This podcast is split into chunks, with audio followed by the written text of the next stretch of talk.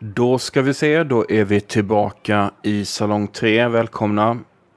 Vi fortsätter med vår eh, genomgång av eh, Sight and Sounds topp 100 The Greatest Films of All Time. I det här avsnittet tar jag mig an platserna 60 till 41.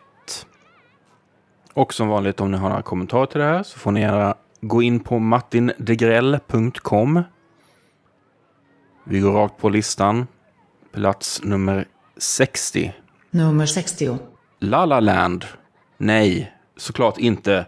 Moonlight från 2016. Nära att det blev samma misstag där som på Oscarsgalan. Nej, Moonlight hamnar alltså ganska sensationellt skulle jag vilja påstå. På plats 60. Utöver då att min stående invändning, nämligen att det är en alldeles för ny film för att tas i beaktande här. Så tycker jag heller inte att den platsar riktigt. Plats 60 också. Ganska högt upp får man ju säga. Jag, jag vågar mig på en gissning här. Jag tror inte den kommer att finnas med i nästa omgång. Nummer 59. Plats 59. Där hittar vi en film till av Chris Marquet. Chris Marker. Som ju var med tidigare på listan med kortfilmen La Jetée. Eh, den här filmen heter Sans Soleil. Den är från 1983 och till skillnad från den här tämligen lättillgängliga om än experimentella Lacheté. Så det här, det här är lite mer av en krävande filmessä kan man säga. Det är typ ett slags dokumentär som fokuserar på språk och resor med mera. Tämligen eh, intellektuell och teoretisk men eh, har också en, en fin stämning över sig som jag tror att många sådana här essäfilmer inte riktigt eh, liksom får till. Det tycker jag är det stora. Jag vet att det finns folk som är otroliga fans av just den här filmen, Sans Soleil. Eh, jag skulle vilja se om den faktiskt. Det var länge sedan jag. Nummer 58. Plats 58. Vi går från ytterlighet till ytterlighet här. Eh, The Apartment. Billy Wilder, 1960. Det här är väl en av de som, av hans filmer som väl är okej, okay, tycker jag. Eh, folk älskar den här filmen. Den får mig bara att fundera än en gång på vad det är som gör att bara vissa av hans filmer funkar för mig. Eh, jag, det kommer nog vara någonting jag funderar på resten av mitt liv. Jag kan liksom inte sätta riktigt fingret på det. Kanske eh, är det så att hans väldigt uttalade cynism. Vad ska jag säga? Han har en väldigt eh, eh, lite cynisk syn på mänskligheten eller människor. Men cynismen bryter liksom också av väldigt mycket mot det här ganska traditionella Hollywood-bildspråket. Eh, genrekonventioner som man hittar då liksom i komedier eller romcoms som i det här fallet. Är det för att jag liksom inte får ihop den här svarta synen på mänskligheten med den här ganska lättsamma, lättillgängliga tonen i filmen? Eller vad är det? Jag, jag vet inte riktigt vad det är. Men The Apartment i alla fall, plats 58. Nummer 57. På plats 57 har vi Buster Keaton igen. Eh, Sherlock Jr från 1924 är ju en underbar eh, metafilm. En av eh, Keatons bästa. Jag har inte jättestark relation till den, men jag tycker den är väldigt bra. Väldigt eh, uppfinningsrik och för sin tid i eh, olika eh, special effects och sånt. Nummer 56. Plats 56. Le Mépris. Contempt heter den på engelska. Vad heter den på svenska, tro? Ja, Föraktet. Det är ännu en uh, Jean-Luc Godard. Den hade inte platsat på min Godard topp 5 som kanske utgörs av eh, Abou de Souffle, Tova Bjern, eh, Alphaville, One Plus One och Weekend skulle jag tro. Men han har gjort så mycket. Eh, Le Mépris är ju om inte annat väldigt fin för sitt eh, otroliga foto som väl är ja, Raoul Cotard som ju gjorde jättemånga av franska nya vågens filmer. Och sen har den ju också lite roliga cameos som Fritz Lang till exempel. Nummer 55. På plats 55 hittar vi en riktig urklassiker. Pansarkryssaren Potemkin från 1925. Gjord av Sergej Eisenstein. Den har alltså en otrolig impact alltjämt om man ser den idag. Inte bara för tekniken, alltså särskilt då klipptekniken, montaget och så vidare. Men också ja, men hur, hur historien berättas med de här parallella händelserna, eller händelseförloppen. Det finns naturligtvis en farhåga som man kan vara lite melankolisk inför, men som, det är väl bara en del av verkligheten på något sätt att de här filmhistoriska milstolparna, typ Potemkin, kommer nog snart att förpassas till just historien. De kommer att förbli filmhistoriskt oerhört viktiga. Men jag misstänker att Potemkin, precis som många andra filmer som kom, säg runt 1920-25, snart då inte längre kommer att ses som liksom konstnärligt framstående i sig. Utan mer något slags eh, historiens byggklossar.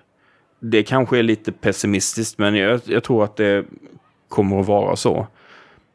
Det är ju lite olyckligt, men kanske oundvikligt. Men se pansarkryssaren på Temkin om du inte har gjort det. Nummer 54. På plats 54, en science fiction-klassiker. Blade Runner från 1982. Ridley Scott. Han har onekligen blandat och gett under sin karriär. Men eh, några år där i början av 80-talet så gjorde han väl det mesta rätt. Åtminstone om man ser till Alien och sen Blade Runner. Jag håller nog Alien lite högre än Blade Runner. Eh, jag hade länge sånt här running joke med en kompis att eh, både jag och han kunde liksom inte se, hade liksom inte lyckats ta oss igenom hela Blade Runner utan att somna. För den har en säregen, lätt sövande kvalitet. Och jag säger detta på ett ja, positivt sätt på ett sätt. Min relation till Blade Runner är att, förutom då att jag, jag har börjat att se den jättemånga gånger och misslyckats med att se klart den. Det är att min relation till eh, hela liksom stilen, filmens stil och ikonografi och framförallt musik av Vangelis. Den var så inpräntad hos mig långt, långt, långt innan jag såg filmen. Av någon anledning. Jag har lyssnat på filmmusiken i många år innan jag liksom tog mig an filmen på riktigt. Så det märkliga blev det här med när jag väl såg filmen på riktigt, på riktigt. Jag minns inte ens vilken version jag såg. Det, finns, det är ju en sån här film som det finns jättemånga olika versioner av. Men när jag väl såg den, det var som att återstifta bekantskapen med någon god vän eller någonting. Det, var, det känns tryggt och, och eh, härligt på något sätt. Nu är jag väldigt förtjust i filmen. Inte så att jag ser om den jättemycket, men jag har stor respekt för framförallt det här världsbygget som Ridley Scott med medarbetare åstadkom. Nummer 53. Plats nummer 53. News from Home från 1976. En överraskning får man ju minst sagt säga. Det här är alltså en ganska avantgarde, eh, okonventionell dokumentär som gjord av Chantal Ackerman. belgisk-franska filmskaparen som ju faktiskt toppar hela den här listan då med sin Jeanne Dielman från 1975. När hon var 21 i början av 70-talet då flyttade hon hemifrån. Hon lämnade Belgien, sin mamma där och flyttade till New York för att lära sig mer om filmarbete, jobba med film och försöka få igång några projekt där. Hon började då hänga med kretsen kring Jonas Mikas och eh, hans eh, Anthology Film Archives. Lärde sig en massa, lärde känna en massa folk. Men det var en ensam tid för henne. Hon var ung, vilsen. Efter ett tag så vände hon hemåt igen. Och så, så, så småningom då fick hon möjlighet att göra den här Jean Dielman. Eh, men i den här dokumentären då så återvände hon till New York och filmar staden. Människor, trafik, byggnader, eh, Manhattan primärt. Samtidigt då som hon med berättarröst då läser upp brev som hennes mamma skickade till henne under vistelsen i New York. Det är en, eh, en fantastisk liten film. Stor överraskning att den kommer med på den här listan så högt som på 53 plats dessutom. Den fångar den här relationen mellan föräldern och barnet. Eh, även om vi då bara får den ena delen av den här korrespondensen. Det finns en värme och en längtan hos mammans brev. Men det finns också en, en kritik. Det finns en, en, en oerhörd självömkan. Det finns en oförståelse inför dotterns livsval. En, en typisk så här barn-vuxen relation i all dess komplexitet på något sätt. Och sen då samtidigt då ackompanjerat av de här bilderna från ett New York som ju då var verkligen på dekis. En eh, fantastisk liten film som jag rekommenderar varmt. Nummer 52. På plats 52 hittar vi kanske den enda filmen av eh, Fassbinder på listan. Angst Essen Seele Auf. Rädsla urholkar själen. Som ju är en av hans bästa från 1974. Om ett osannolikt kärlekspar i Berlin. Utan att ta någonting från den, så, så, för den är väldigt bra. Men kanske också en av hans mer konventionella filmer. Eh, vilket kanske gör att den är lite lättare att hamna på den här listan. Dessutom är den ju då en Criterion-film sedan åtminstone 20 år tillbaka. Så att jag tror sånt ska man aldrig underskatta i de här sammanhangen. Nummer 51. Plats 51. Pianot, The Piano från 1993. Början av 90-talet, eller till och med mitten av 90-talet, var prima tid för en viss typ av kostymdrama som utspelade sig typ så här slutet av 1800-talet. Gärna i någon sorts anglosaxisk miljö. Det kan vara eh, lite lockande att, att försöka passa in pianot i, i den här genren eller i den här tiden. Särskilt då givet dess eh, rekorderliga anseende, alla vunna priser, den numera sönderspelade musiken av Michael Nyman och så vidare. Men samtidigt är det ju lite förminskande att, att göra det. Det är också Jane Campion vi pratar om här, så att det är liksom inte faller liksom inte in i den här, vad ska vi säga, någon sorts traditionell kostymdrama, berättelse, vad nu det är. Men det ska dock sägas att om man har sett liksom Jane Campions tidigare filmer, Two Friends och, och, och de andra, så är det här en något överraskande utveckling. Får man ändå lov att säga, tycker jag. Jag är lite ljummen vad gäller den här filmen. Nummer 50. På plats 50, mitt på listan, hittar vi Le Quatre Sans Coup. Alltså de 400 slagen. François Truffauts semi-självbiografiska drama från 1959 som ju tillsammans med Godards första eh, Abou de Souffle eh, inledde franska nya vågen på stor front. Min relation till Truffaut är väl lite sådär sval. Jag är lite sträng där, men alltså nackdelen med att ingå då i ett, ett sånt väldigt löst gäng av framgångsrika kreatörer då som Truffaut gjorde då i och med den nya franska vågen. Det var ju inte så att de träffades och gick igenom vad de skulle göra och det var inget kollektiv, kreativt kollektiv på det sättet. Men man pratar om dem i samma andetag så att säga. Och nackdelen med att, eh, att liksom ingå i ett sånt löst gäng, frivilligt eller ej, det är ju att man tvingas liksom jämföras med de andra. Och för mig så faller de här jämförelserna med de här övriga nya vågarna nästan alltid ut till Truffauts nackdel. Inte för att han är direkt dålig, men för mig har han alltid, han har alltid saknat någonting. Godard var liksom mer, han var mer intellektuell, han var mer radikal. Agnes Varda var varmare och större människokännare. Romer mer mogen. Eh, Louis Malle mer lekfull och så vidare.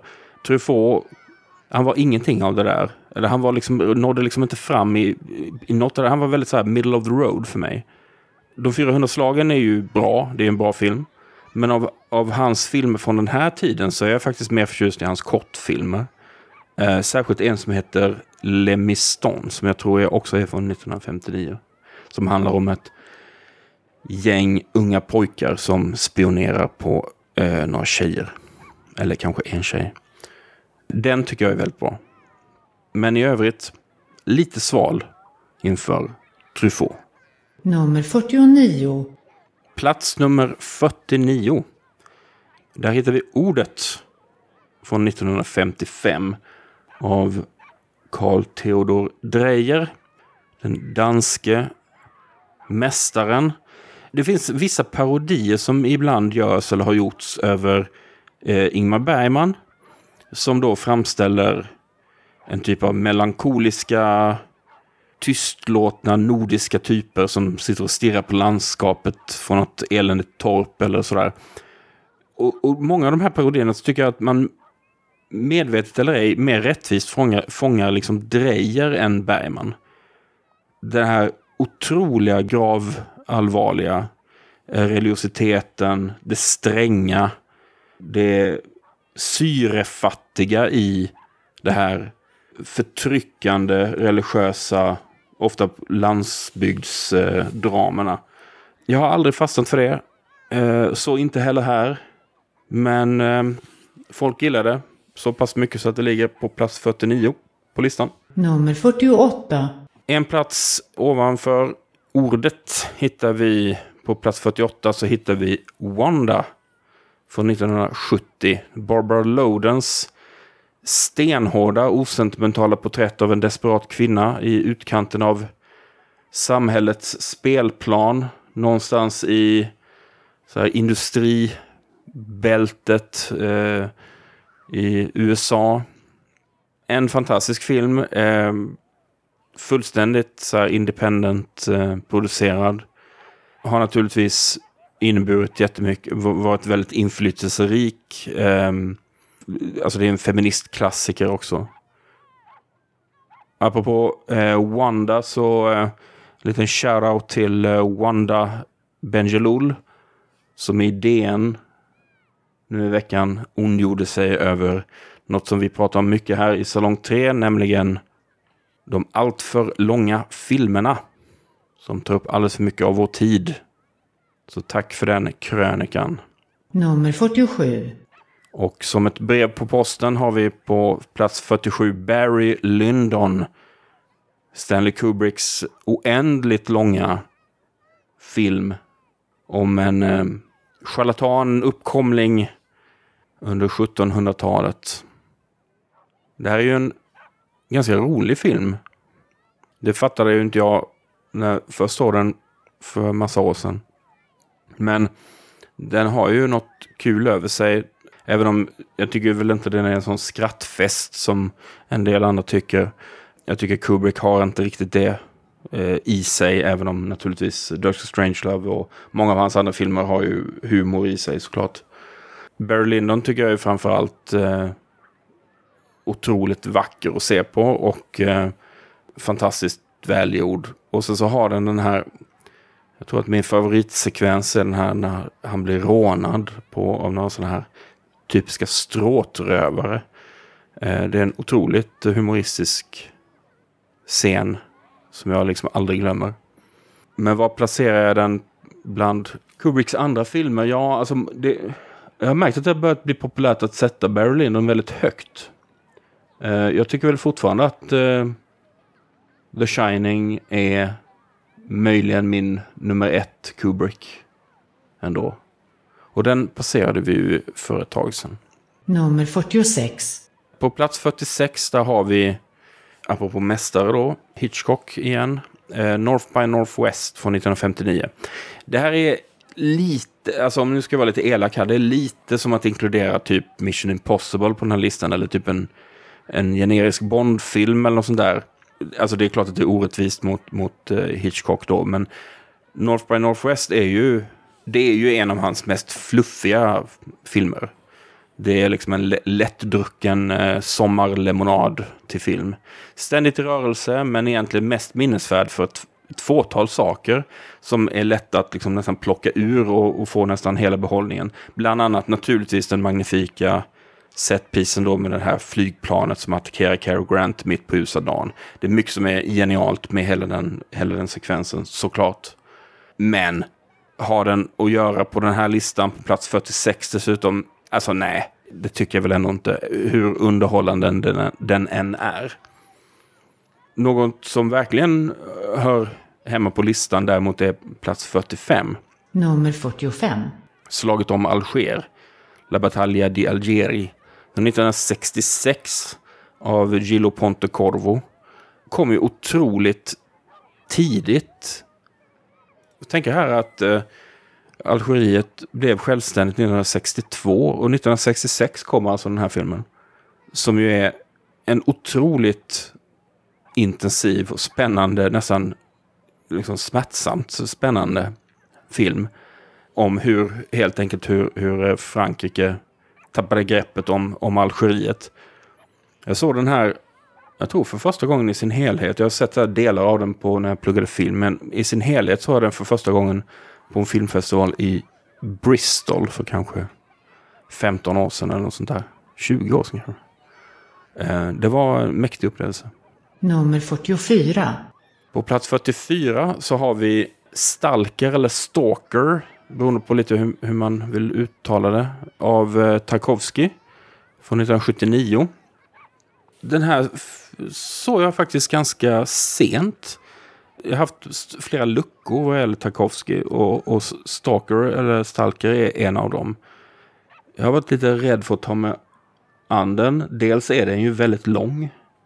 Och dels så, så trodde jag, eller jag fick för mig att den skulle vara otroligt tung och, och tungrodd och deppig och sådär. Och visst, det är den. Men samtidigt så förvånades jag också över hur den här liksom långa, långsamma science fiction-historien som det ju är. Egentligen är den liksom intim som en, som en tät pjäs. Den har i princip liksom tre huvudpersoner. Som alla då får tillfällen att lägga ut texten med långa monologer. De tre delar scenen med varandra, ofta även själva bilden. De står ofta centrerade i, i blickfånget när de, när de håller sina monologer. Mycket är liksom uppenbart filmat i studiomiljö. Men det funkar eftersom det ger en sån overklighetskänsla till hela filmen. Eh, som ju då går ut på att det är ett par personer som ska ta sig liksom långt in i en så förbjuden zon. I någon sorts eh, dystopisk framtid. Annars tror jag den stora stjärnan här är fotot. Visuellt är det här en helt otroligt vacker film. Och det blir en också en otroligt häftig effekt med hur de väldigt subtilt men konsekvent byter liksom färgfilter beroende på var någonstans i världen och i historien de befinner sig. Sen har inte jag sett någon förklaring till varför de filmade i 4.3 istället för vidbild.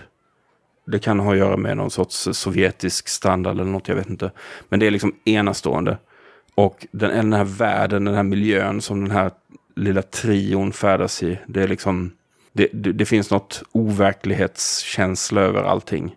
Och trots den långa speltiden, jag tyckte den liksom bara, den bara flöt på. Nummer 43. På plats 43 så hittar vi glädjande nog en eh, film som heter Killer of Sheep från 1978 av Charles Burnett. Det här är närmast eh, en... Eh, det är lite så socialrealism eller neorealism fast i Los Angeles på 70-talet. Det handlar om en eh, arbetarfamilj där då pappan jobbar på ett slakteri. Därav titeln. Som försöker liksom skrapa ihop tillräckligt mycket för att försörja sin familj. Det är också något så ovanligt som då en, en afroamerikansk independent film från den här tiden som faktiskt fick liksom distribution sent om sidor. Charles Burnett gjorde den här liksom på kvällar och helger medan han eh, utbildade sig vid UCLA tror jag. Och eh, det är en otroligt stark, fin film. Väldigt så här lågmäld. Eh, det händer några dramatiska saker men det är liksom inte så mycket. Det är mer som en mood piece nästan. Man följer den här familjen. Jag skrev min D-uppsats i filmvetenskap om den och framförallt om dess kanonisering kan man väl säga. Alltså just den här, hur har den här väldigt obskyra filmen från 1978 hamnat på plats 43 över världens genom tiderna bästa filmer? Och det här är alltså en film som inte behövde vänta på att bli släppt på DVD eller så för att komma i de här sammanhangen. Vilket var extra bisarrt och märkligt för att fram till för kanske 20 år sedan så hade den visats en handfull gånger på en handfull cinematek sen den gjordes 1978. Den hade alltså aldrig haft en, en riktig release, alltså på bio, då den gjordes, utan långt, långt, långt senare så plockades den upp av Milestone tror jag. Och så gjordes det en sån här kort liten run på, på lite arthouse-ställen i USA. Och så kom den på DVD och senare på Blu-ray. Men det märkliga är hur dess rykte har på något sätt gjort att den ändå har det här anseendet. Och jag försökte liksom i den här uppsatsen då försökte jag spåra liksom källorna till så här, vad, vad är det som gör att den här filmen har fått så mycket uppmärksamhet? Trots att den antagligen inte har setts av så många. Men den antagligen har liksom den har plockats upp av någon, kanske någon sån här inflytelserik kritiker eller någonting, eller Cinemateket-människa har skrivit någonting. Den har visats någon gång på 16 mm i New York och sen så är det någon som har plockat upp den där och börjat skriva om den. Och sen rätt vad det är så har det blivit en etablerad sanning att det här är en fantastisk film som naturligtvis är jätteviktig för den afroamerikanska independent-rörelsen, för independent-rörelsen överhuvudtaget. Charles Burnett som ju haft liksom en lite knagglig karriär sedan dess. Det, det är fascinerande. Det finns inga klockrena svar på varför det har gått som det har gjort. För mig är det underbart att den, jag tycker den är en fantastisk film. Eh, jag såg den första gången på någon bootleg för eh, 25 år sedan eller något sånt där. Nu finns den liksom tillgänglig säkert på Criterion Channel, eh, definitivt på både DVD och Blu-ray och sådär. Och mycket väl värd att se, men det är fortfarande lite av ett mysterium. Hur har den kommit att få den här statusen? Det är ett mysterium som kvarstår. Nummer 42. På plats 42 så hittar vi den första Kurosawa, eh, Akira Kurosawa eh, filmen på den här listan, nämligen Rashomon. En riktig klassiker. Dessutom Dr. Runtime Approved, 88 minuter eller vad det nu är. Eh, otroligt inflytelserik naturligtvis, inte minst det här med liksom den opolitliga berättaren eller liksom att, att se saker från olika perspektiv och vad, vad är ett vittnesmål och vad, vad minns vi egentligen och sånt där. Och liksom hur, vem berättar och vem bestämmer, vem har narrativet så att säga. Come on, Japan will be fun.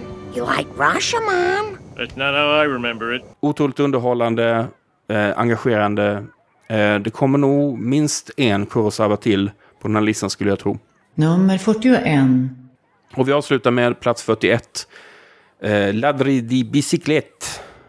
Det vill säga Cykeltjuven som den heter på svenska. Märkligt nog för Ladri di Biciclette betyder ju då cykeltjuvar. Det är ju faktiskt viktigt för historien med minst två cykeltjuvar. utan att dra några spoilers, eh, så är det ju viktigt för historien, inte minst för hur den slutar. Det är ju en otroligt eh, jobbig film på många sätt. Det är ju en jättefin film så tillvida att det är liksom den här eh, relationen mellan den här mannen och hans son och hur han försöker liksom desperat få någon sorts ordning på deras liksom eh, oerhört fattiga, utsatta tillvaro. De Sica gjorde ju... Han var ju del av den här eh, italienska neorealismen som kom direkt efter kriget. Cykeltjuven är ju från 48 då. Han har ju, li, han har ju lite av sentimentala drag över sig. Det kanske är ännu tydligare i den här Umberto D som ju är en, en otrolig film. Men det finns ju också det här i den här filmen. Även om den är jättekarrig och tuff på alla sätt och vis och, och verkligen en drabbande film. Men, den, men den har inte den här, den är inte riktigt sådär känsloneutral nästan som flera av de här andra neorealisterna eh, hade. Utan den, den har liksom någonting, den, den sticker liksom kniven i oss och, och vrider om lite grann. Den här filmen eh, toppade faktiskt den allra första omröstningen som Sight and Sound gjorde 1952. Och sen dess har den då alltså sjunkit till plats 41. Detta var Sight and Sound, Greatest Films of All Time, platserna 60 till 41. I nästa avsnitt så går vi igenom platserna 40 till 21. Missa inte det. Vi hörs då.